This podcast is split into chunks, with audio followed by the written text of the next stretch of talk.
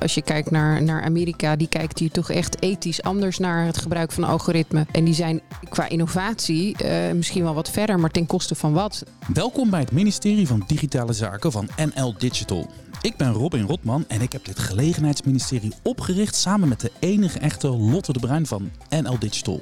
De grote glinsterende databergen die alle gemeentes, die alle provincies, die alle ministeries naar zich toe willen trekken om de samenleving te controleren. Om mensen in de gaten te houden. En dat is ook slecht voor de democratie, want dat is niet rechtsstatelijk. Elke aflevering praten wij met een Kamerlid over belangrijke politieke thema's rond digitalisering. Maar vandaag is de gast ex-Kamerlid Kees Verhoeven. Kees, wij kennen elkaar natuurlijk al wat langer. Jij hebt van 2010 tot 2021 in de Kamer gezeten.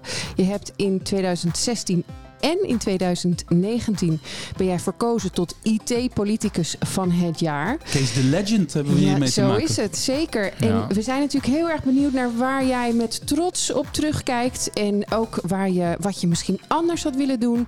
En natuurlijk ook hoe jij nu van een afstandje kijkt naar de rol van de politiek in het enorme digitaliseringsdomein. Ja. Jeetje, nou dankjewel. Ontzettend leuk dat ik hier mag zijn. Nou, wapenfeiten uh, heb ik natuurlijk genoeg. Wat ik anders zou hebben gedaan, of hebben moeten doen eigenlijk, is natuurlijk toch een van mijn bekendste blunders. Dat is de cookiewet. Waar we nog steeds elke dag allemaal mee geconfronteerd worden. En wat niet alleen die maar. vinkjes, dat komt door jou. Die vinkjes komt door mij. En dat, het was een voorbeeld van een, van een jonge hond in de Tweede Kamer die dolgraag wilde ingrijpen. Ja, elke op iets. keer als ik nu een website open, dan Ja. moet ik dus allemaal vinkjes gaan Ja. zetten of Ja. niet. En dat, ah. Ja, en dat was dus... dus moe van Kees, dankjewel. omdat ik als politicus een probleem wilde oplossen, Ja. maar er vervolgens ook weer een creëerde. En dat gebeurt vaker bij digitale vraagstukken. Dus dat was mijn plunder. En trots? Nou, toch wel dat ik enigszins erin geslaagd ben om digitalisering als onderwerp wat hoger eh, in de hoofden van Politiek Den Haag eh, te krijgen. Dat was nodig en dat was ook wel een beetje mijn kruistocht in de laatste jaren. Ik ben er trots op dat ik ben gestopt met allerlei baantjes en interne managementrollen bij D66, campagneleider achterin. Dat ik echt voor de inhoud ben gegaan en dat dat, nou, het heeft wel iets gedaan.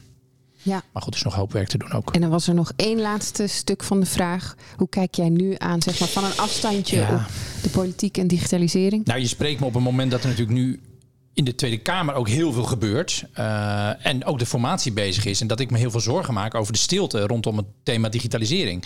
Volgens mij ben jij erbij geweest, Lotte, bij de gesprekken met mevrouw Hamer. Ja. Met een aantal van de digitale sector. En, en, en, en dat was veelbelovend. Ik, ik vond het hoopgevend. eh, dat een aantal mensen daar mochten vertellen van jongens, hè, maar alleen sticker, jij, eh, nou ja, nog een paar mensen. En nu is het weer doodstil rond het onderwerp. En Ja. daarom hebben wij dus dit ministerie van Digitale Zaken opgericht. Als het in Den Haag niet gebeurt, doen we het zelf wel. Ja. En we hopen nu een beetje reuring te veroorzaken. We hebben een paar stellingen meegenomen. Die gaan we straks om zijn beurt aan je voorleggen. Dat is iets ander opzet dan je gewend bent van die podcast die we eerder hebben opgenomen. Je hebt Ja. natuurlijk allemaal geluisterd. De Ja. stellingen komen zo. We hebben wel elke aflevering, dat komt elke keer terug, een vraag uit de achterban van Lotte. En eh, Lotte, wie heb jij dit keer bereid gevonden om aan Kees een vraag te stellen? Dit keer komt de vraag van Jos Huigen van KPN. Wie kent hem niet? Ja, zeg, zeg En dat. zijn vraag kent eigenlijk drie delen. De hoofdvraag is eh, dat Nederland eh, in de komende jaren heel hard toeloopt naar een gigabit society. En eh, dan is A zijn vraag: in welke sectoren zie jij de beste mogelijkheden om hiervan gebruik te maken? Is dat zorg? Is dat energie, veiligheid? Noem maar op. B, denk je dat dat automatisch gebeurt? En zo niet, is daar misschien een duwtje voor nodig? En C, als daar dan een duwtje voor nodig is, wie gaat dat duwtje geven? Ja. De Gigabit Society is wel weer een nieuwe voor mijn woordenboek. Ja, ik ken hem ook niet. Ik denk Want- dat hij bedoelt dat alles digitaal wordt. Ja. Het zit overal om ons heen. denk dat de, dat de, associatie bij mij, maar Jos, vergeef me als ik het mis heb, is dat, dat alles aan elkaar verbonden raakt. Dat data steeds belangrijk wordt en dat ook steeds meer data gebruiken om nou ja, een gelukkig leven te leiden. Eh, ik denk dat dat met name in de zorg. Ik, ik, ik denk gelijk aan de sectoren waar nog heel veel digitale kansen liggen. En ik, ik vind de zorg, eh, dat is natuurlijk een, een, een, een enorme eh, grote sector. Met een enorme grote uitdaging voor de komende jaren. Vergrijzing, maar misschien ook corona. oké, dus soort zorg. Even voor, voorbeelden. Gaat dat over algoritmes die gaan meedenken over diagnostiek? Gaat het over. eh, ik denk vooral aan patiëntendata ook op een makkelijkere manier op allerlei plekken krijgen. Ah. Maar ook de, de diagnoses eh, beter kunnen stellen. Ik bedoel, wij weten al dat algoritmes beter dan eh, bepaalde radiologen kunnen vaststellen. Oké, oké. en zie je dat dan automatisch gebeuren, vraag ik nu namens Jos? Of zijn er een paar voor nodig? Eh, er is veel mogelijk. Alleen ik denk dat er juist nu eh, beperkingen zijn. Dus ik denk dat heel veel digitale spelers... bijvoorbeeld het elektronisch patiëntendossier... heeft gewoon voor tien jaar stilstand gezorgd... als het gaat om het handig uitwisselen van data. Ik ben weer even kort terug op Twitter. Misschien straks erover meer. En toen zei iemand vandaag tegen me... waarom, waarom eh, ben jij een voorstander van het uitwisselen van, van zorgdata? Dat is blijkbaar een discussie die nu speelt. Daar ben ik dus voorstander van. Omdat ik vind dat dat gewoon handig is. Dat de huisarts ook snel kan kijken van... god, dit of dat. Eh, dus ik vind dat we daar niet te moeilijk over moeten doen. Maar er is heel veel stilstand gekomen. Omdat bijvoorbeeld het elektronisch patiëntendossier voor een enorme privacy stress heeft gezorgd. En daardoor heel veel partijen in de markt bang zijn geworden. Oké, dus dat is een Kopschuw. voorbeeld. Wat wil ik wil deze een beetje kort houden. Dat is een voorbeeld dat het patiëntendossier, de informatieuitwisseling, de diagnostiek. Dus je ziet, eh, maar gaat het dus automatisch of niet? Want Nee, er moeten barrières worden weggenomen. En dat is de rol van de overheid? Nou, de overheid moet aangeven, jongens, we, we, we- wij zien de zorg veranderen. Wij zien dat het niet meer kan op de oude manier. We hebben, we hebben die digitale technologie nodig om het beter te maken. Daar gaan we nu ruimte voor bieden. Ik weet nog dat we een jaar geleden een keer een ronde tafel hadden over privacy. En toen ging het ook over de AVG, de, de Europese Privacywet. En toen zei een man uit de zorg: Wij kunnen heel veel projecten en, en, en onderzoeksprogramma's niet meer doen, omdat we bang zijn voor de AVG. Ah. Terwijl de AVG helemaal niet bedoeld is om wetenschappelijke onderzoeksbeperkingen op te De leggen. AVG, die gaan we het zo nog verder over hebben. Oké, Ja. oké. Ja. dus je zegt dat er zijn kansen in de zorg vooral. Oh, dat gaat allemaal niet vanzelf. Het gaat over barrières. Politiek moet daar goed naar blijven kijken dat we dat doen. En eh, in de zorg moet men ook gaan opletten. Oké jongens, wat zijn die Er moet barrières? een signaal, het dan er moet een signaal komen de van mensen die erover gaan. durf meer. Is dat een beetje een verhaal waar jij in kan herkennen, Lotte? Zeker. Nou ja, ja, eh, wat betreft die giga, gigabit, ik krijg ik moeite om het uit te spreken. Gigabit society. Ja, ja tuurlijk. Hè, we moeten inzetten op connectiviteit. Lijkt me logisch dat het netwerk het allemaal aan kan. Ook herken ik dat de zorg echt een van de sectoren is die de grootste stappen moet zetten. En dat je het natuurlijk eh, vandaag in 2021 er niet aan moet denken dat je een week, anderhalve week wacht tot je dossier van ziekenhuis A naar ziekenhuis B is. Terwijl jij zit te wachten op een analyse of een uitkomst, uitslag van iets wat mogelijk terminaal eh, kanker is, bijvoorbeeld. Ja. Dus dat, dat, dat, kan, dat, dat, kan, dat hoeft helemaal niet op dit Nee. moment. Nou, denk En aan dat ik- voorbeeld van, van eh, dat er nu al je patiënten naar Duitsland zijn eh, eh, gebracht. Ja. Lijkt mij handig dat je dan Ja. snel even kan schakelen. Precies, dus dat betekent ook nog eens een keer dat het niet alleen binnen Nederland, maar dus ook over de landsgrenzen Ja. hetzelfde moet zijn. Ehm, eh, ik, ik vraag me wel een beetje af ehm, of, en dat is misschien vooruitlopend op de vraag straks over de minister van Digitale Zaken, is dan, stel dat er een minister van Digitale Zaken komt. Is dat dan een persoon die een duwtje moet geven? Of gaat het dan om het ministerie van VWS die dat moet doen? Dat zou ik dan, dat vind ik ingewikkeld. Ja, dat is ingewikkeld. Als we het er nog over gaan hebben, kunnen we dat straks. Maar dat is natuurlijk. Ik heb daar zelf ideeën over. Want ik vind die minister van Digitale Zaken moet een energieke hoofdlijn eh, eh, man of vrouw zijn. Die, die echt gewoon eh, dat, dat, die kansen, die, die, die, die grote lijnen van digitalisering, het doorbreken van die, van die verticale kolommen, dat, dat moet door die, door die minister worden gedaan. Maar de uitvoering en de implementatie zal toch ook bij volksgezondheid eh, dan komen te liggen. Dus het moet een samenwerking zijn. Soms misschien ook bij economische zaken zelfs. Of, of Ja? andere Ja. Ministeries. ja. Nee, maar het is, het is ingewikkeld. Matrix. eh, Ik denk Ja, dat we ze allemaal wel... eh, we, we komen hierop terug, denk ik. Ja. En dat de vraag Nou, ik of er hoop wel echt dat Jos tevreden is, want eh, ja, ik ken hem ook al eh, mijn hele kamerleven. We willen heb ik Jos met hem te maken. boos maken, Nou, ik wou net zeggen. Ik- ik denk dat hij wel eh, tevreden Kees is. had een We slechte het Maar met we hebben een paar stellingen. Lotte, eerste stelling, die komt van jou. De democratie crasht. Kees, Ja. Wat vind je daarvan? Nou, ehm, ik ben het daarmee eens, helaas. Eh, ik, ik, ik, ik ben bezig met, met een boek met die titel. Oh, dat is En- ook toevallig. Nou, dat is helemaal niet zo toevallig. Maar ik vind het ook gek om het dan helemaal niet te noemen. Want ik, dat komt natuurlijk, die, die vraag komt ook voort uit dat boek. Maar ik, ik dacht heel lang, de politiek heeft geen grip op digitalisering. Hebben wij het ook vaak over gehad. Hè? Lotte Ja. kwam eens in het jaar. Het is een monster dat zich onafhankelijk van alles beweegt. En we kunnen er Nou ook onze vingers dan, achter. dan, ik was dan als Kamerlid bezig en dan kwam Lotte langs. Of dan kwam eh Stijn en Groven langs. kwam Michiel Steltman langs of Arie van Bel langs. Die zei allemaal, joh Kees, eh, waarom gebeurt er niks? Dus ik was op een gegeven moment aan het nadenken van... waarom doet die politiek niks met digitaal? Maar toen kwam ik erachter dat digitaal wel iets met politiek doet. Oftewel... eh, social media, big data, eh, die smartphone die voortdurend eh, zich opdringt, heeft een invloed op de politieke cultuur in Den Haag. Maar dat gaat dus ook over een debat. En dat het soms wel eens lijkt alsof die Kamerleden meer bezig zijn om dat quoteje op de social media te krijgen. dan dat ze inhoudelijk met de minister in het gesprek gaan. Nou ja, letterlijk dat. Eh, een, een Kamerlid moet een saai en taai eh, eh, werk uitvoeren. Namelijk mag niet leuk zijn natuurlijk. het mag ook wel leuk zijn. En je mag ook wel eens een keer leuk op een podium staan. Of eens een keer een, een, een leuk krantenartikel of een, of een talkshow hebben. Maar je moet ook gewoon het saaie degelijke onderzoekswerk doen. Van wat staat er nou in deze wet? En wat gebeurt, dat, wat gebeurt er dan vervolgens? Als, als Kamerleden dat zeven jaar geleden hadden gedaan, hadden we geen toeslagen. Oké, dus dat, maar dat, dat gaat over de drang van politici om zichtbaar te zijn op de social media. Dat ondermijnt eigenlijk een beetje misschien de taak die ze hebben. Dat is één dimensie van de, de, de, politiek die een beetje crash of dreigt te ja, crashen. En de tweede dimensie is de grote glinsterende databergen die alle gemeentes, die alle provincies, die alle ministeries naar zich toe willen trekken om de, de samenleving te controleren, om mensen in de gaten te houden. En dat is ook slecht voor de democratie, want dat is niet rechtsstatelijk. Deze ken ik nog niet, Lotte. De, de, de grote glimmende databergen in de provincies en de gemeentes die ze gebruiken om, om ons te controleren. Nou, ik word wel steeds meer benieuwd naar jouw boek. De uh, NCTV heeft, heeft laatst de wet overtreden. Omdat ze uh, burgers gingen controleren zonder mandaat. De politie ja. overtreedt de AVG. Uh, met omdat allerlei... ze met die, met die cameraauto's rondruimte kijken of ook, we ons wel aan de coronaregels houden. Defensie had ineens een unit opgetuigd waarmee ze burgers aan het volgen waren. Niet met een wettelijk mandaat. De Belastingdienst heeft de wet overtreden met allerlei discriminerende algoritmes. Dus het is niet zo dat ik het bedenk. De democratie, want dit is wel grote woorden. De democratie. Is het, is dit dan echt letterlijk ondermijnend voor de democratie? Nou, de democratische rechtsstaat zou je dan moeten zeggen. Uh, en de rechtsstaat betekent dat je de burgerbelangen beschermt. En als je als overheid burgers gaat controleren, maar daarmee ook bepaalde burgers hun rechten schendt, ja, dan is er iets problematisch aan de hand. En dat is waar ik de vinger op wil leggen. Mhm. Oké, maar dus dat is die ene dimensie is dus de Kamerleden die als een soort gekke henkies proberen om quotejes te harken om op die social media te zetten. Zeker. Zeg ik even in mijn eigen woorden. Ja. De tweede, dat is die grote databerg die wordt misbruikt om de burger eronder te krijgen.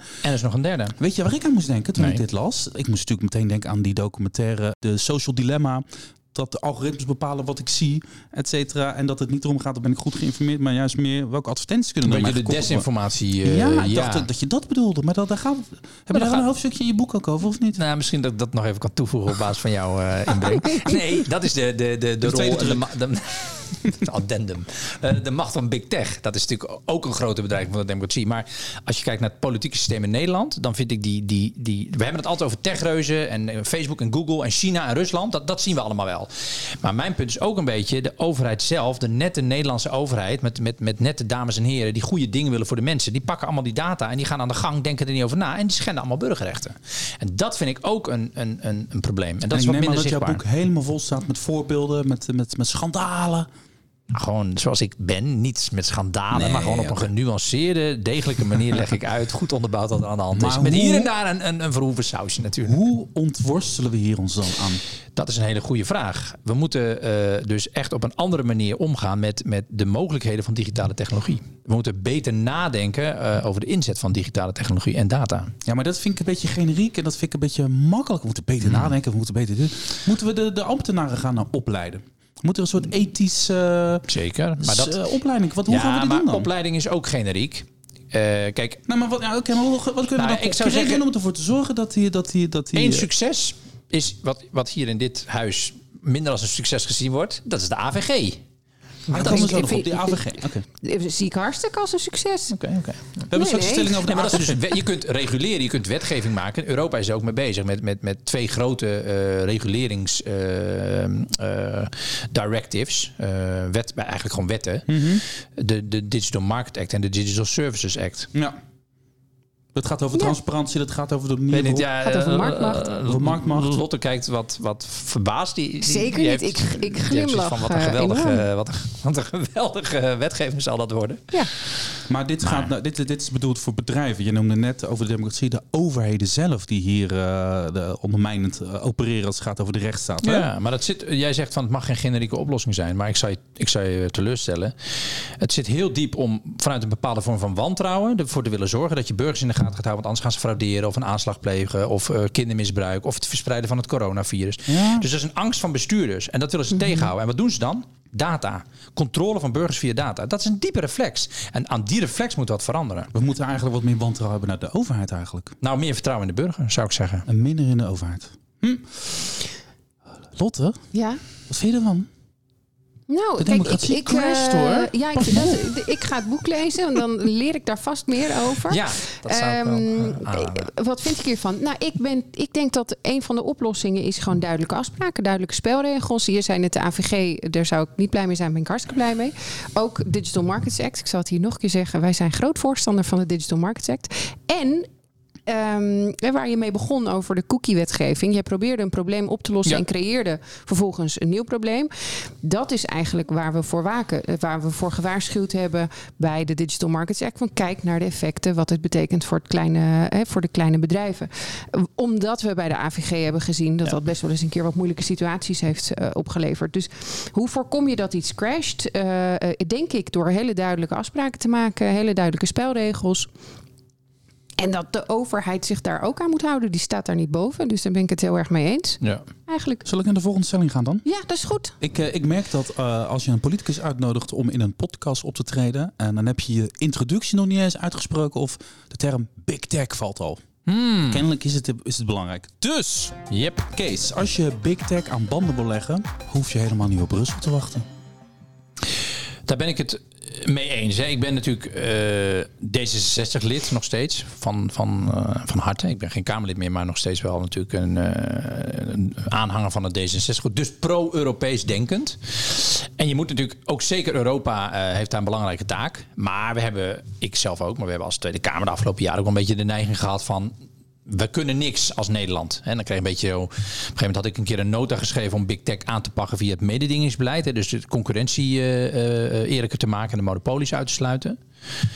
Het zei er, ja, Kees Verhoeven waarschuwt Mark Zuckerberg nog één keer. Dus dan krijg je een beetje dat klein duimpje tegen het grote Facebook. En toch kan Nederland ook wat, want we hebben ook eigen regels en ook een eigen toezichthouder die, die wel degelijk wat kan. Maar dat betekent dus eigenlijk dat je misschien als Nederland kan zeggen, de big tech, nou noem ze maar allemaal op. Dat zijn de Googles, de Facebooks, de, de, Apples, de Amazons, et cetera. Dat je zegt van joh, het kan ons eigenlijk niet zo heel veel schelen wat, uh, wat, hoe jullie in de wereld opereren. Als mensen in ons land op, op een apparaat gaan zitten en via iets met jullie willen, dan zorg je er maar gewoon voor dat jullie een app ontwikkelen die gewoon voldoet aan onze regels. Is dat wat je zegt? Dat is niet helemaal wat ik zeg, want we hebben natuurlijk wel de interne markt. En Nederland is gebonden aan de interne markt. Dus Nederland kan niet zelf beslissen om bepaalde producten te weren. Ik heb ooit een, uh, een stuk geschreven over het internet der dingen. Al die IoT-wearable apparaten. Hè? Dus, dus uh, nou, Barbie-pop met, uh, met, met een, een, een, online verbinding. Ja, handmat is het straks aan het internet. Nou, want dan weten ze hoe vaak Rotterdam horloges blijkbaar ook gekoppeld aan het internet. Nee, maar, maar, okay, maar wat kunnen we dan En toen zei ik, je moet een marktverbod opleggen. Toen nee, dat kan niet, Kees, dat is Europa. Dus je hebt een Europese uh, competentie. De Europe Europese Unie gaat over de markttoegang, ook tot Nederland. Maar wat Nederland wel kan doen, is natuurlijk toch bepaalde eisen stellen. En bijvoorbeeld onder die motorkap van Big Tech kijken, hoe werken die algoritmes? Daar zou de ACM, de Autoriteit Consumentenmarkt, echt wel wat kunnen maar dan, doen. Maar dat is dan toch wat ik zeg. Je hebt natuurlijk aan de ene kant uh, Kees Verhoeven waarschuwt Big Tech nog één keer. Ja, aan de andere kant heb je de, keer, de, de, de, toegang op de markt. Dat is een uiterste. Maar dan is toch het, het tussenweg is van, joh, nee, we gaan ze niet weren van de markt. We gaan alleen onze eigen regeltjes opleggen. Dat is, en dan krijg je dus een app of een applicatie. Wat, ik denk, pas je maar aan aan Nederland. Ik denk dat eigen regels opleggen niet kan. Maar ik denk dat onder die motorkap kijken en aan mensen laten zien: dit is hoe zo'n algoritme werkt. Dit is hoe maar dat is, dat is toch een beetje, dan moet je dus alleen maar inzage krijgen in hoe ze werken en dat dan een soort nou, voorlichting aan de mensen gaan vertellen of zo. Dat is wel het mechanisme wat nu bepaalt wat jij te zien krijgt is afhankelijk van wie jij de afgelopen uh, eh, 25 jaar bent geweest. Als mens. Met al die data is een profiel opgebouwd en daar, mhm. daar wordt informatie op gebaseerd. En bij Lotte is dat weer anders en bij mij is het weer anders. Dat mechanisme bepaalt wat jij te zien krijgt en dat stuurt jou. Dat is een ongelooflijk krachtig mechanisme. We zien het alleen niet. Dus we denken, ach, weet maar, je wel. Maar hier zie je dan dus daar moet dat aan gebeuren. Maar zie je dan een rol voor de Nederlandse overheid? Want dat is waar het, nou, waar het over gaat. Als je, het niet, uh, als je hier wat wil doen, dan hoef je niet op Brussel te wachten. Oftewel, we gaan in Den Haag gaan. Duitsland en Frankrijk doen op het gebied van privacywetgeving, op het gebied van eerlijke uh, concurrentiewetgeving, meer dan Nederland. Dus de Duitse toezichthouder is strenger tegen Facebook en tegen Google als het gaat om gebruik maken van bepaalde, het bevoordelen van eigen diensten, het sneller toelaten van eigen internetverkeer. Daar zijn Frankrijk en Duitsland als landen oh ja. sterker mee bezig dan Nederland. Ah, dus het kan wel. Het kan, alleen Nederland heeft natuurlijk een beetje het gevoel dat ze wat kleiner zijn. Hè? Dus dan heb je snel het gevoel, we moeten het via Europa doen. En ik vind dat dat niet per se alleen maar nodig is. En en. Ja, nou, kijk, wat mij heel erg aanspreekt hierin is dat ik denk, of althans zo vertaal ik het, dat Nederland heeft een seat at the table in Europa. Ja. En moet daar denk ik veel nadrukkelijker uh, een, een plek nemen. Of op sommige dossiers kan dat. En de implementatie hier, eh, daar kan je natuurlijk eh, een verschil in maken per land. Dat, dat kan. Um, ik, ik spreek dan wel mijn zorg uit dat ik er niet aan moet denken dat een, een Nederlands bedrijf dat graag internationaal wil gaan werken. Uh, nou ja, wat we al hadden over die patiëntendossiers, dan over de grens gaat en ineens hele andere regels. Dat, dat maakt het voor een ondernemer heel ingewikkeld. Als dat op nuanceverschillen is, valt dat wel mee en is daarmee te leven. Um, maar ik ben er vooral voor dat wij veel meer een plek in moeten nemen in in Europa op bepaalde dossiers en op wetgeving die onze kant op komt. Dus ik denk dat dat. Um, nou, ergens nou, daar ben ik het ook wel mee eens. Ergens zijn we het wel eens met het is, het is, Nederland kan zelf wel wat doen, maar Nederland moet vooral ook meer een aanjager zijn in, uh, in Europa. En wat ik frapperend vond. Vorige week was er een debat in de Tweede Kamer over de Digital Market en Digital Services Act. En er waren drie Kamerleden aanwezig. Van de, drie maar? Maar. Wel allemaal uit die eh, commissie Digitale Zaken? Of ja, dat wel. Maar er waren alleen maar iemand van D66, iemand van de VVD en iemand van de PVV drie Kamerleden die samen nog niet eens een, uh, een meerderheid in het parlement hebben volgens ja, maar mij. Dat, dat is dan niet de bedoeling. Want wij hebben, zo heel, wij hebben een heleboel gesproken en iedereen vindt digitalisering belangrijk. Ja, maar ze komen dus niet naar een debat. Hmm. En dat is toch het hoofdwerk van een Kamerlid, zou ik zeggen. Ja, kijk, dat is dus voor mij ook wel weer een zorg rondom zo'n minister van Digitale Zaken. Je ziet nu al dat het thema, als het gaat om de Digital Markets Act, dat wordt dan een soort van uitbesteed in een commissie Digitale Zaken. Begrijp me niet verkeerd, ik ben er hartstikke blij mee. Het waren er vier die er zaten. Oh. Eh, ehm, maar ik ben de naam van de meneer, is, me, is mij even ontschoten. Uh, maar wat gaat er dan gebeuren op het moment dat je een minister van Digitale Zaken krijgt? Ga, ga je dan ook over alles en dus eigenlijk over niets? Want je wil inderdaad dat daar iemand zit die gaat over een bredere uh, ja, bredere portefeuille dan alleen digitalisering. Dus, ja. Eens hoor. Ik, ik, maak me ook wel zorgen over dat punt. Ik denk dat zowel de commissie als de minister wel eens een te smal mandaat zou kunnen krijgen. Waardoor het uiteindelijk, hè, als het over de IVD gaat, toch binnenlandse zaken. Als het over cybersecurity oh gaat, toch weer justitie en veiligheid. Mhm. Als het over weer iets anders gaat, toch weer het ministerie van Buitenlandse Zaken. Misschien over 5G en, en, en wel of niet Huawei toelaten.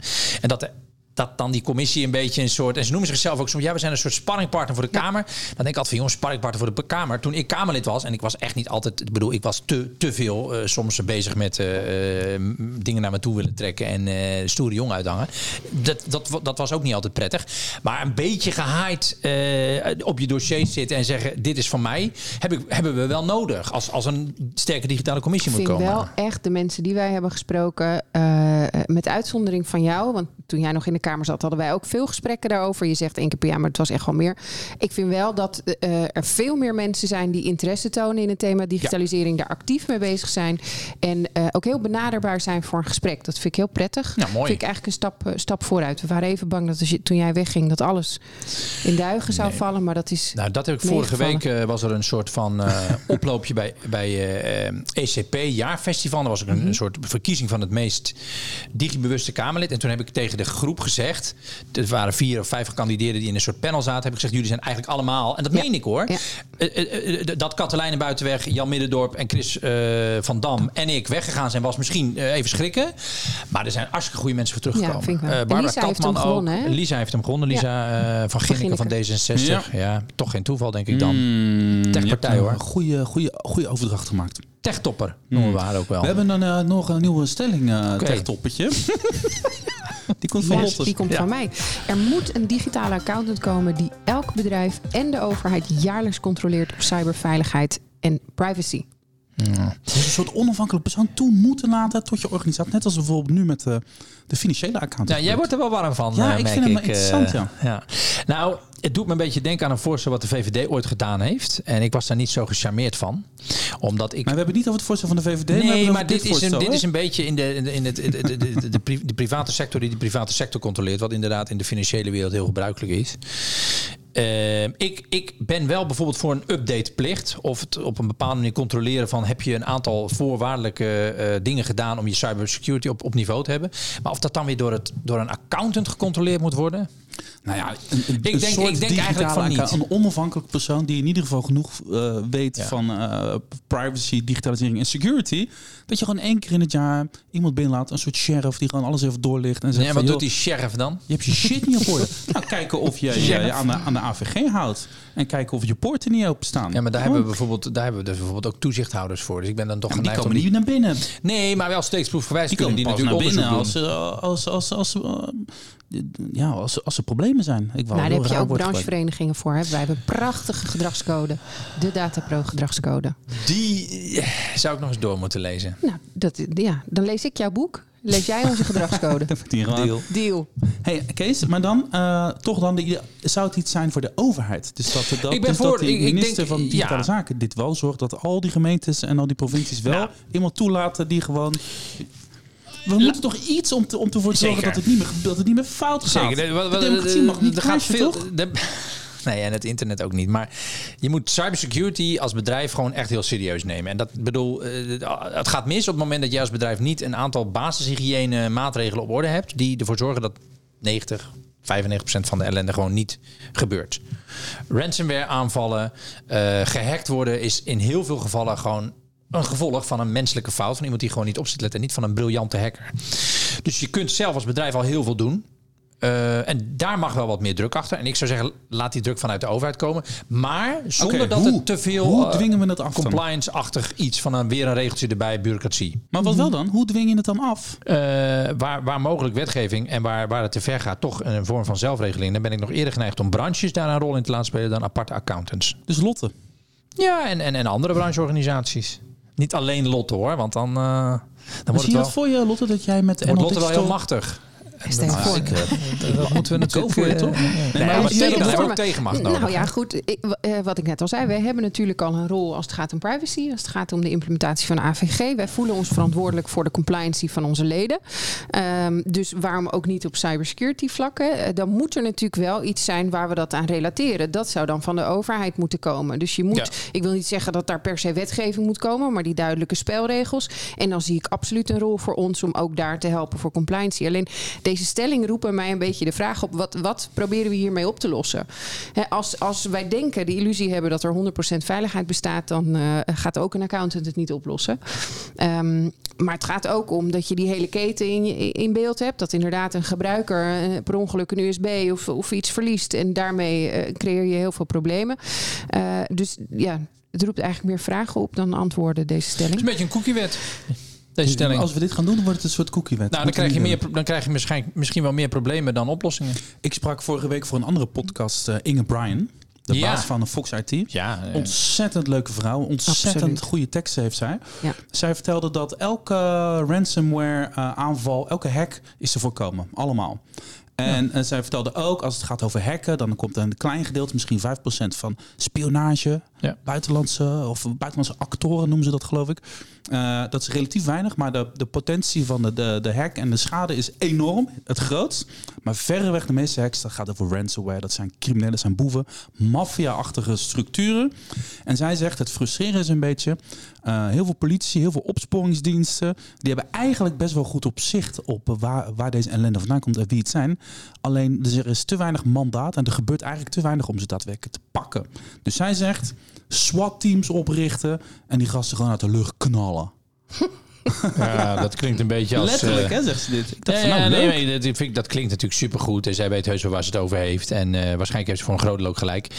Uh, het keihard aanpakken en het uit de lucht knallen van boeven, dat willen we allemaal. En dat, dat roept altijd hele sterke gevoelens op. Het is natuurlijk ingewikkeld, want je zit dan weer heel snel aan de vraag van hoe ver gaan we daarin? En, en gaan we niet op een gegeven moment ook weer te ver? Maar eens hoor, ik, ik denk dat heel veel van de, van de cybercriminaliteit gewoon te voorkomen is. Ook door bedrijven die dus meer investeren en, en er dus dus meer bovenop zitten. Niet alleen om ze buiten te houden, maar ook als ze binnen zitten, er, er, er beter uh, op te reageren.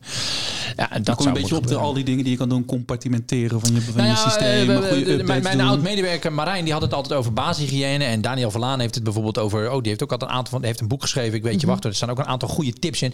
Het zijn allemaal van die ongelooflijk simpele dingen. Het is mhm. een beetje vergelijkbaar met corona. Je moet gewoon afstand houden, je handen wassen en dan gaat het beter. Mhm. Ja, dat geldt hier ook voor. En als je dat niet doet, ja, dan is de kans dat je een keer getroffen wordt groot. En dan voel je ineens wat het betekent dat je niet meer bij je scriptie kan of dat je niet meer bij je bedrijfsinformatie kan. Ik, ik, ik hoor ook wel eens uh, als het gaat over cybersecurity en hoe je het afdwingt of wat je kan doen. Um, je hebben, we hebben politieauto's door de straten surveilleren. Vinden we eigenlijk best wel normaal, hè? Een soort cybersurveillance. Gewoon veel meer to, uh, opsporingsdiensten toelaten op het internet. En, en dus ook uh, mogelijkheden geven om lekker te. Dat voelt ook een beetje alsof je privacy een beetje onder druk gaat staan. Wat, wat, wat, ik weet niet zo goed wat ik daarvan moet vinden, Kees. Help, help vind ik moeilijk. Ik vind, ik vind altijd de vergelijking. Uh, ik moet dus niet uit de losse pols nu even meegaan in jouw vergelijking tussen de fysieke en de digitale wereld. Dat gaat in 90% van de gevallen gaat dat dan mis. Oh.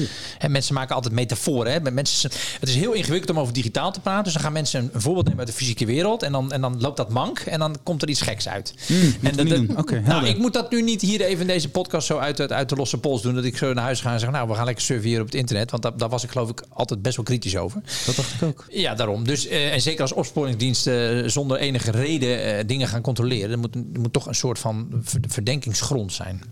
Maar aan de andere kant zie ik ook wel dat er veel aan de hand is op het internet. En dat er toch nog wel heel veel gebeurt waar we, waar we eigenlijk van zeggen dat lukt eigenlijk niet echt. Hoor je nu bijvoorbeeld bij ransomware? laatste weken zijn er successen gemeld en dat die bendes nu eindelijk worden aangepakt. Hè? Dat vind ik dan wel spannend. Dan denk ik, wat doet de politie dan waardoor dat kan? En gaat dat dan te ver of is het eigenlijk is gewoon heel goed? Ja, dat is uh, voer voor de, de commissie Digitale Zaken, denk ik. Vragen stellen. Ja. Toch? Absoluut. Cybersecurity afdwingen. Uh, Oké, okay, die account, die digitale accounten waar ik steeds zo vrolijk voor word, dat gaan hem dus niet worden. Dat wordt de cookiewet. Oh, de cookiewet. Maar oké. Okay. Ja, nou ja, goed. Ik denk ook dat het te maken heeft met meer investeren. Je, dat is toch, er moet gewoon meer geld naartoe. Uh, ik weet dat we nu 90 miljoen hebben gereserveerd voor cybersecurity. Het lijkt heel veel, maar daarmee sla je, sla je nog geen deuk in een pakje boter. Dus ik denk dat dat heel erg belangrijk is. Dat het op ieder niveau in de organisatie en ook gewoon in, in, om ons heen uh, hoog op de agenda staat. Je hebt volgens mij ook wel eens een keer samen met Jan daar voorstellen over gedaan. Dat je ook echt in het bestuur hè, ja. uh, hier kennis van moet hebben. Dat je vaak genoeg testen moet doen. Een soort neppe inval of cyberhacks, dat soort zaken. Um, daarmee uh, denk ik dat je al een heel eind komt. Maar of dat echt de verandering teweeg brengt waar we op zoeken, waar, waar we naar zoeken of naar verlangen, dat weet maar ik nu niet. we toch een beetje met name hè, uh, aan het strooien zijn ze nu en dan. Hè. Ja, joh. Lokke Morel van de Cybersecurity Raad heeft gezegd 833 miljoen ja. investeren. Dat is een groot verschil met 90. Uh, dat is ja, echt Ja, een mega ja, verschil, ja. factor 10. En de, de, ik bedoel, Zou dat dan genoeg zijn? Nou ja, er nog wel een factortje Nee, vijf nee, bij? nee, nee, nee. Ik denk dat als je eh, rond een miljard serieus investeert, dat je dan echt wel een, een, een- de stap zet die nodig is. En hoe gaan we dat dan uitgeven? Gewoon strooien over de, over de branche en... eh, Nee, dat is dus de vorige keer met die 140 miljoen uit het regeerakkoord. Ja, 90 plus nog hier en daar wat verwaterd geld. Maar goed, maar Ja. je mag eigenlijk die 90 Maar je geeft het gewoon 1 miljard aan Lotte en Lotte gaat zorgen dat het goed terecht komt. Eh, nee, je geeft het, je geeft het dat, is, dat is dus geld wat je dus aan de overheid... eh, dat is eigenlijk al puur de beveiliging van een di- digitale infrastructuur... waar de Nederlandse overheid voor verantwoordelijk is. Bedrijven moeten daar minimaal, minimaal hetzelfde tegenover stellen, procentueel. Zullen we de volgende stelling doen, Lotte? Lijkt mij heel goed. Oké. Algoritmes, Kees. Tegenover elk algoritme waar de mens gebaatbaar is, staat helaas een algoritme waar we last van hebben. Zo erg is het niet. Want ik denk dat eh, de meeste algoritmes goed zijn en ook niet super ingrijpend zijn. Mensen zeggen oh, altijd tegen mij: ben je dan tegen het gebruik van, oh, van eh, algoritmes door de overheid? Kees, mag dat dan helemaal niet van jou? Jawel, dat mag wel. Alleen de hele ingrijpende. Vandaag is in het nieuws gekomen dat de Belastingdienst een algoritme heeft gebruikt. wat lagere inkomens een groter gewicht gaf. In de ver- verdenkingsgraad. Nou, dat is dus Oeh. echt wel slecht. Eh, Dat is is, wie verzint zoiets? Hoe komt dat? Nou ja, dat, verzint, systeem dat, verzinnen de, dat verdienen de beleidsmensen die in de afgelopen decennia hebben gezien dat er een, een, een, een, een, een verband is, niet een causaliteit, maar een, een correlatie, een samenhang, schijnt te zijn of is geweest in het verleden tussen lagere inkomens en fraude. Dat zal er vast maar, wel. maar waardoor je dus heel veel lage inkomens gaat vinden die daadwerkelijk frauderen, waardoor het systeem zichzelf Nou ja, sterkt, waardoor uiteindelijk die dat mensen is klassieke, klassieke fouten. Er zijn een aantal biases die op elkaar worden gestapeld. hè. Dus je wil het verleden vertalen naar de toekomst. Is geen reden toe. Door een groep intensiever te onderzoeken vind je meer. Is ook oneerlijk. Nou, zo zijn er een aantal klassieke onderzoeksfouten die hier gewoon gemaakt worden. En wat voor eh, algoritmes zijn, maak je dan zorgen over? De, de algoritmes die gebruikt worden door de overheid, de belastingdienst. De, de- het T-woord wil ik niet horen vandaag. De Telegraaf? Toeslagenaffaire. Sorry. De T nee, noemen ze het toch altijd? Dan okay, de Telegraaf. Ja, dat is een beetje de huiskant van Apple Digital. Ik ben natuurlijk meer een NSC-man. Maar goed, dat, uh, dat is misschien voor de kijkers thuis. Tegenover elk algoritme waar de mensen gebaat bij staat helaas een argument waar we last van. Je zegt, zo erg is het niet. Nee. Het is natuurlijk wel zo dat als we er last van hebben, we er goed last van. En dan is het heel systemisch. Als je naar algoritmes staat natuurlijk super gaaf. Ja. Maar wat, wat zijn nou de zegeningen? Wat zijn nou de voorbeelden van ik van... Hé, nou, uh, kanker, kankeronderzoek. Je, je, een algoritme, machine learning, hè, dus een zelflerend algoritme... wat zichzelf heeft getraind op basis van heel vaak naar die plaatjes kijken... tumorenplaatjes kijken, kan beter dan een arts, dan een radioloog... Uh, bepaalde tumoren herkennen. Okay, of uh, vaatvernauwingen herkennen. Mooie algoritmes. Zelfleer, zelflerend uh, het leerbehoeften van kinderen kun je veel specifieker op basis van data en algoritmes uh, uh, ondervinden dan, dan zeg maar klassikaal op de ouderwetse manier, waarbij de helft van de kinderen niet de, de, de, de, hulp en de steun krijgen die ze verdienen. Dus algoritmes zijn geweldig, alleen er is een sprake van een wildgroei in gemeentes met smart cities en ministeries zoals een beetje aan het vreubelen zijn met, met, met fraudesystemen en dingen. En dan komt er weer een bedrijf langs. Zeg je, oh, we hebben hier een schitterend algoritme. Vroeger waren dat bedrijven zeggen, we hebben een prachtig vastgoedproject en we hebben nu een prachtig algoritme. Moet je wel gaan gebruiken, wordt je beleid veel beter van. Die werd daar, oeh, dat moet ik ook doen. Dus dan krijg je echt, dat is gevaarlijk. Dus je, je moet, die algoritmes zijn niet verkeerd, maar je moet er goed over nadenken. By design, zoals dat dan zo sexy uh, heet. ICT-vocabulaire. Uh, ja, wat, hoezo bij design? De menselijke maat bij design bedoel je? Van tevoren ethiek. nadenken. Ja. Vertragen. Ethiek. Uh, vanaf het ontwerp. Ja, vanaf Even bij design. Ja. Uh, mooi vertaald. Ja. Maar dit is wat jullie toch ook altijd zeggen, Lotte? Dit zeggen wij altijd. En dat is ook gewoon heel erg belangrijk om in je ontwikkelteam, of dat dan gaat om een product, om algoritme, om een dienst, dat je diverse uh, mensen hebt die daar meewerken, zodat je alle perspectieven meeneemt. En ik vind een ander mooi voorbeeld van, van AI is ook. Uh, om de bias die in ons zit juist tegen te gaan. Als het gaat om mensen aannemen, hebben we echt allemaal een vooroordeel of bevoordelen wij uh, anderen, sommigen. En AI kan je juist ook uh, heel neutraal laten kijken naar competenties, kenmerken die jij als bedrijf nodig hebt. En daar komen soms hele verrassende profielen uit die wij vanuit onze vooroordelen misschien niet eens een kans hadden gegeven. Dus ja. uh, dat wilde ik nog even toevoegen als mooi voorbeeld. Ja, leuk, heel goed. Ik ben daar op dit voorbeeld ben ik zelfs helemaal heb ik een soort hersencrash uh, op een gegeven moment gehad. Ik ben aan de ene kant heel kritisch over algoritmes. En toen las ik mijn, mijn favoriete schrijver, Daniel Kahneman, een psycholoog, eh, die, die 90 eh, jaar is hij bijna. En die is dus groot voorstander van het toepassen van rekenformules bij, bij het aannemen van mensen. Hè. Dus het, meestal hebben we de neiging, goh, we gaan met z'n drieën zitten, komt iemand binnen, goh, binnen vijf minuten een klik. Dat is de perfecte kandidaat. Omdat het een spiegel is van jezelf of dat je daar dingen in herkent die je leuk vindt.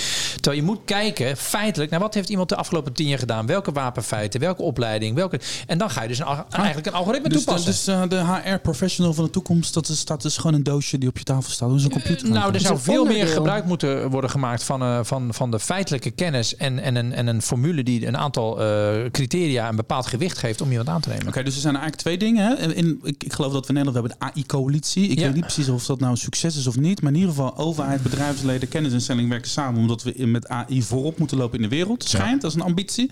En tegelijkertijd moeten we dus wel waken dat we die, de, de, de, de, de vervelende algoritmes waar de bias in zit en ja. discriminerende algoritmes, dat we die buiten de deur houden. Ja. Is dat nog een soort iets waar we, uh, waar, waar we bang moeten zijn dat als je te streng daarvoor bent, dat het ten koste gaat van de innovatiekracht? Is dat nog een zorg? Of ben ik nou aan het. Nou, ik denk dat dat een mooi voorbeeld is van uh, hè, als je kijkt naar, naar Amerika, die kijkt hier toch echt ethisch anders naar het gebruik van algoritmen.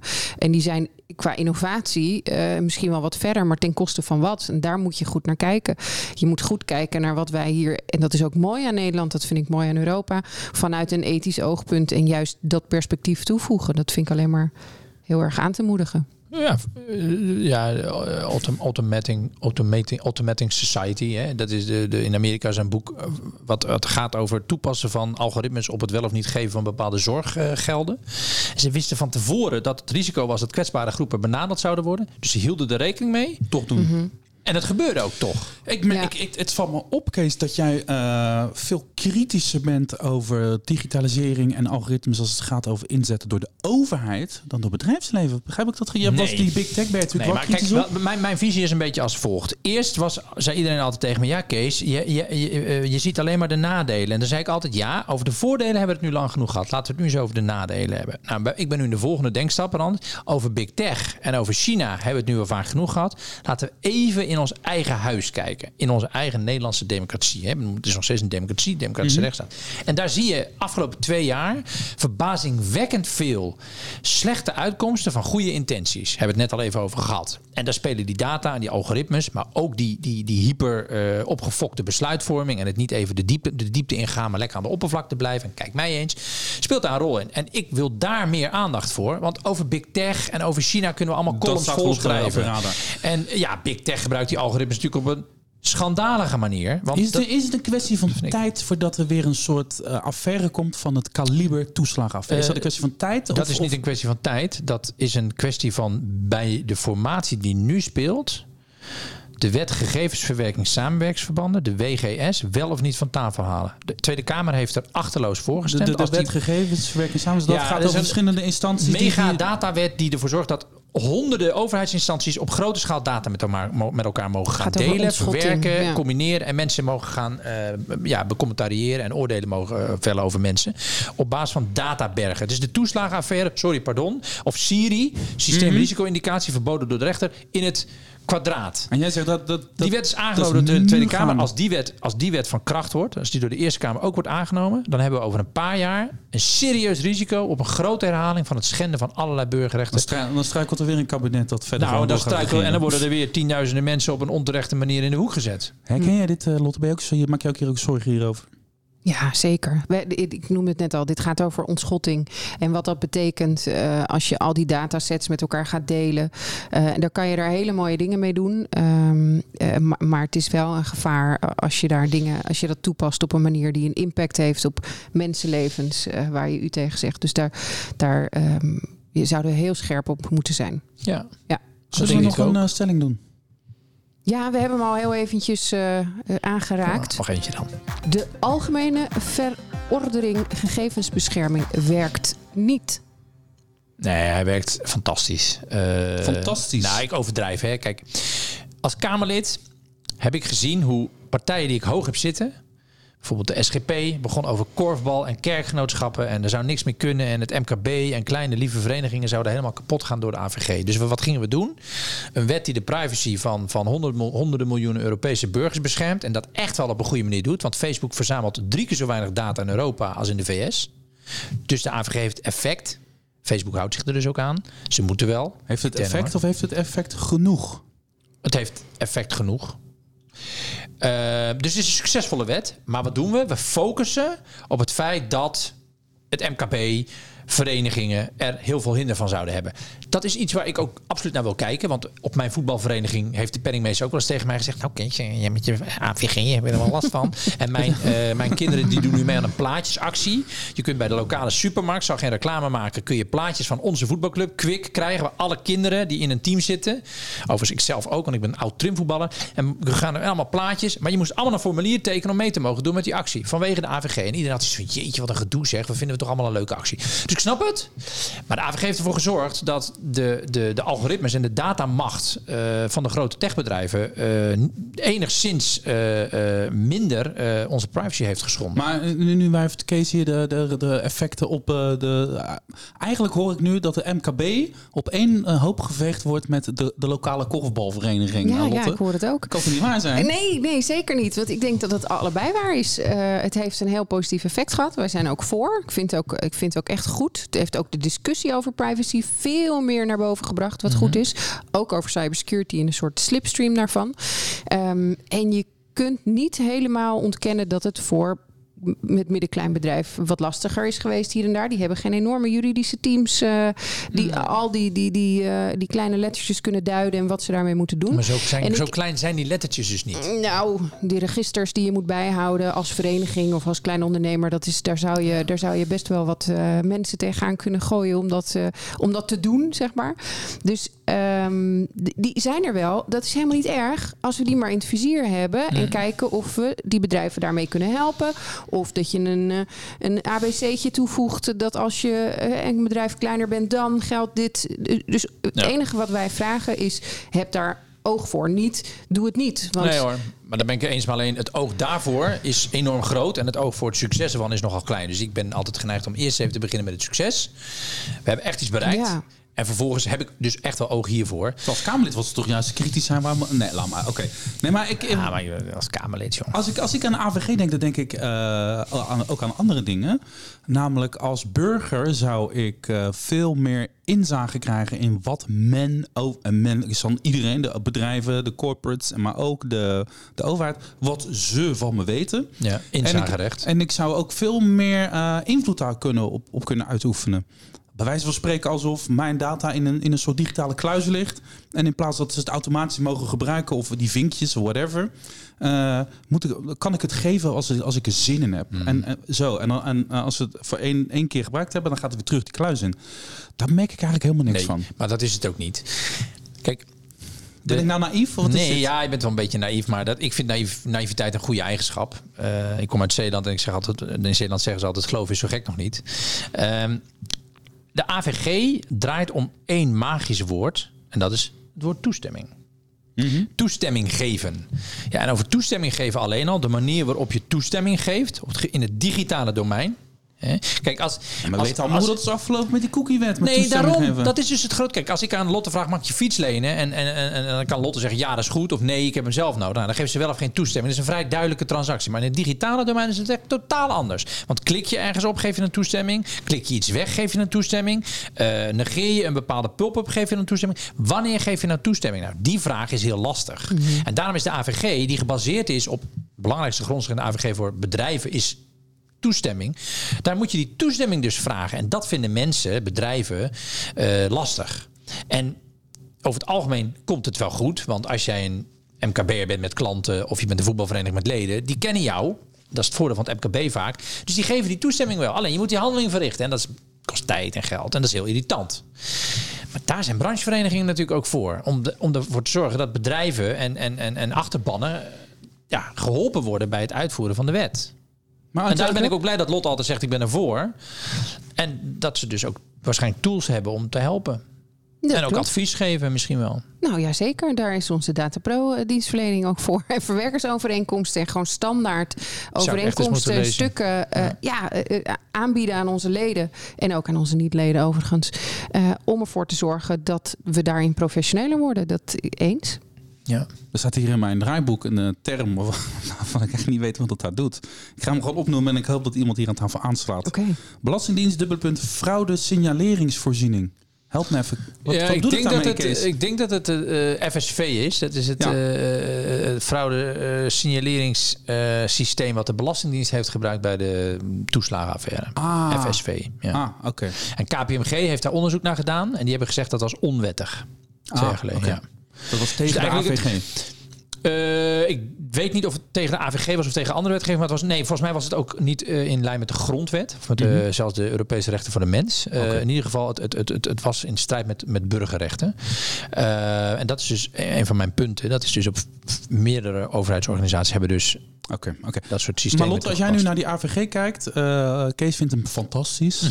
Hoe zit jij daarin? Ik vind dat die prima werkt. Er komen de meldingen binnen. Ik denk dat dat heel goed is. Dat is ook waar het voor is, om te signaleren dat iets niet werkt. Wij zijn zelf bijvoorbeeld binnen NL Digital... Uh, gaan we een interne AVG-workshop doen. Wanneer mag je data delen? Welke data mag je delen? Wat is een datalek? Uh, dus dat bewustzijn is veel groter. Ik hoop bij, bij meerdere. Um, dus ik denk dat het werkt en dat er altijd dingen beter kunnen. En de autoriteit persoonsgegevens, die heeft ook constant, uh, die mopperen ook de hele tijd dat ze te weinig geld en mankracht hebben. Is dat nou de rituele dans die je nu even hoort omdat we aan het formeren zijn? Of is dat echt zo? Mopperen, rituele dans. Jij uh, gebruikt al een paar, ik heb geen idee. Een paar frame hier. Ja. Nou, nee, ze hebben een, we hebben een ronde tafel gehad vorig jaar als, als Kamer nog. ik herinner me nog goed. En het waren twee juristen en die zeiden als je echt serieus iets zou willen doen, dan zou je de, het budget van de autoriteit persoonsgegevens vermoeden vertienvoudigen. Dus dat getal klopt ook echt. Ze hebben een ongelooflijke ondercapaciteit, omdat ze en die taak voor de AVG hebben en omdat het privacy toezicht in het digitale domein, bijvoorbeeld vanwege de toestemming geven, de manier waarop een digitale technologie, het, het, de interactie met de mens, maakt het gewoon veel lastiger om privacy schendingen te controleren. Je hebt een enorme onderbemanning. Hm. Dus daar mag wel een schepje bij. Nou, ik, ik, ik, ik heb laatst in een, uh, in een stukje in het Financieel Dagblad dan vervijfvoudiging gezegd. Vind typisch, een beetje zo. Hè? Dan... Beetje ertussenin. Ja. Hm. Partij van de nuance. Ja, prachtig. Zullen we de volgende stelling doen? De laatste? Zeker, die okay. zijn jou. Ja. Er moet een ministerie van Digitale Zaken komen. Ja, dat, dat is volmondig ja, wat mij betreft. Ehm, ik, ik hoop echt. Uh, overigens, ik kan gelijk mensen zeggen: ja, goh, Kees, wil jij dat in? Nee. Ik ga dus zeker zelf niet dat. Want mensen denken altijd dat ik dat bedenk omdat ik dan zelf misschien. Ja, wordt geen minister nee, van Digitale Zaken. Absoluut niet. Maar ik vind wel dat die minister er moet komen. Want ik denk echt dat het ervoor zorgt dat het, dat het, dat het onderwerp daardoor meer gebundeld en ook op een aantal belangrijke hoofdlijnen. Bijvoorbeeld, wat doen we nou met die technologische afhankelijkheid van Europa en Nederland? Wat doen we nou met die data-vraagstukken waar we het over gehad hebben? Uh, wat doen we nou met onze ICT-projecten bij de overheid? Ik vind dat daar echt wel een aantal hoofdlijnen zitten waar je gewoon een, een, een minister, een ambassadeur zou moeten hebben. Maar waarom zo eh, resoluut nee? Of, van, of jij dat ministerschap zou gaan doen? Ik bedoel... Nou, omdat mensen altijd denken dat ik vind dat dat lastig. Als politici worden altijd sceptisch en cynisch bekeken. Dus hmm. als je als politicus pleit voor het instellen van een instituut, dan zeggen mensen gelijk: Oh, dat wil je zeker zelf worden. Nou, dat is absoluut niet mijn, mijn wens. Uh, ik heb nu een bedrijf, ik heb nu een, eh, situatie waarin ik zeg: Jongens, na elf jaar eindelijk even op een andere manier leven. Ja. Uh, ik heb net een, een, baby gekregen, dus we hebben thuis vier kinderen. Uh, nou ja, hè, dus genoeg te doen. ik wil ook die digitale transformatie van Nederland op een andere manier. Dus ik vind het gewoon even niet. Maar ik vind, nou ja, of het nou Lotte of uh, uh, Loeze Wies van der Laan is of uh, Marietje Schaken uh, of uh, Mag het ook iemand van een andere partij zijn? Bredenoord of de Naai van Weerdenburg van de PVV. Om ook ja, maar eens even een verrassende naam te noemen van iemand die ik hoog heb zitten op dit dossier. Absoluut. het maakt mij niet uit wie het wordt. Alleen ik wil dat de discussie niet gaat over goh, wie moet dat baantje krijgen. Nee, het instituut mm. moet er komen. Ja. En ik geloof dat jij het er wel mee eens bent. Ik, jij bent iets genuanceerder. Jij zegt dat moet, iemand moet hierover gaan. En of het dan nou minister mag heten of wat staat. Ja, ik vind de vorm ingewikkeld. En dat heb ik net al gezegd. Hè. Daar moet je duidelijke afspraken over maken. Als het gaat om datadelen in de zorg, gaat het minister van Digitale Zaken daar dan over? Of in samenwerking met. Dus ga je over alles, ga je over niks. Heb je mandaat, heb je budget, vind ik het fantastisch. Moet dat een eigen ministerie zijn? Laat ik aan mensen over die daar heel veel meer van weten dan ik. Kan het ergens onder een ministerie hangen, vind ik het ook goed. Maar kan je dan breed genoeg gaan? Dat zijn allemaal vragen die ik zou hebben, waar je antwoord op moet geven voordat je zoiets uh, inregelt. Maar aandacht voor het dossier. Een lijkt sheriff die, die, dit, die hier zijn tanden in gaat zetten, dat mag nou, We hebben die commissie met heel veel pijn en moeite gekregen. En je ziet toch de, de, aan de ene kant de angst dat het te smal wordt. Hebben we het net even over gehad. Mm hè? Dat ze zich te veel kaas van het brood laten eten ze de digitale smeerkaas van het brood laten, laten eten. Maar Eeuw. Nou, digitale smeerkaas is dat nou weer... sambalkaas. Okay. Ja, lekker is die. Maar we hebben dat het te smal wordt, maar het, er moet wel iemand zijn die er... We hebben een digicommissaris gehad. Ja. En was best een capabel iemand, alleen die functie werkte gewoon niet. Oké, oké. we hebben nu een acht, achttal afleveringen opgenomen. Ja. Uh, Lotte, we, zijn, uh, we hebben Den Haag... Uh, we zijn er goed in geweest. We hebben één Europarlementariër, Paul Tang. We hebben één relatieve buitenstaan, outsider, maar wel met heel veel inside kennis hebben we nu ook even gesproken. Mhm. Wat is uh, wat, als jij de balans een beetje opmaakt, ben je dan uh, blij? Ik ben heel blij. Ik ben echt, nee, ik, ik ben echt aan het stuiteren blij. Zo, omdat ik het superleuk vind om alle verschillende perspectieven gehoord te hebben. Wat ik al zei, er zitten nu allemaal mensen die zich echt vastbijten in dit onderwerp ieder eh, vanuit uh, haar of zijn politieke kleur. Dat vind ik heel leuk. Verrassend hebben we heel veel met elkaar in gemeen. Van links tot rechts. Volgens mij heb je, ja, kan je ja, ja dat kan aan mij liggen. Dat weet ik niet. Maar um, uh, dat vond ik eigenlijk heel prettig. Soms was het scheurend hier en daar wel eens een keer. Word je ergens voor verantwoordelijk gemaakt waarvan je denkt, daar ga ik echt niet over. Uh, maar ik, ja, ik vind dit dus heel erg leuk. En ik hoop ook wel dat we um, voor de luisteraars Den Haag een heel klein beetje meer naar ons toe hebben kunnen halen. En dat is eigenlijk ook de volgende stap, want deze serie zit erop. We gaan nu richting Europa. We hebben met Paul al een klein voorproefje gehad van, uh, van Europa en hoe zich dat verhoudt tot. Tijger hoor. Absoluut. Zo, ja. Want, ja. ja. zeker. Mag ik dat zeggen? Ja. Zeker. Nee, ik ben er een groot fan van. Ja. En ik ben helemaal niet van de partijkleuren. Okay, we, we nee. hebben Den Haag naar binnen gehaald. We gaan Brussel naar binnen halen. Ja, en ook daar proberen die vertaling van wat er gebeurt in Brussel. En wat betekent dat voor, voor mij als burger, als mm. bedrijf, als, als overheid. Uh, om daar wat meer kleur aan te geven. En dat vind ik heel erg leuk. Zijn er nog thema's in Brussel die wij niet mogen laten liggen? Ja, er is er één die, die, die vaak buiten beeld blijft en die ik heel belangrijk vind. En dat is als je hier zo naar buiten kijkt, dan zie je de snelweg en dan zie je allemaal auto's rijden.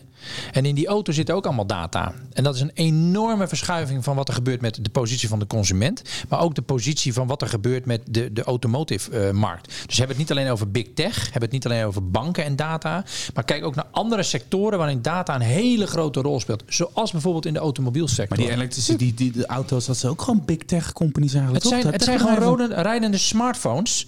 Alleen daar krijg je hetzelfde verhaal. De fabrikant heeft alle data en dus alle macht. Maar en dit alle gaat ook een beetje over die filosofische vraag van wie, van wie is die, die informatie Nou, dat nou is natuurlijk de vraag. En als jij dus in een, in een Chinese auto rijdt en je tekent, ja, je mag alle, alle data-applicaties in mijn auto zetten, eh, dan betekent dat dus dat al die data gewoon naar die fabrikant toe stromen. De vraag is of jij dat als consument wil.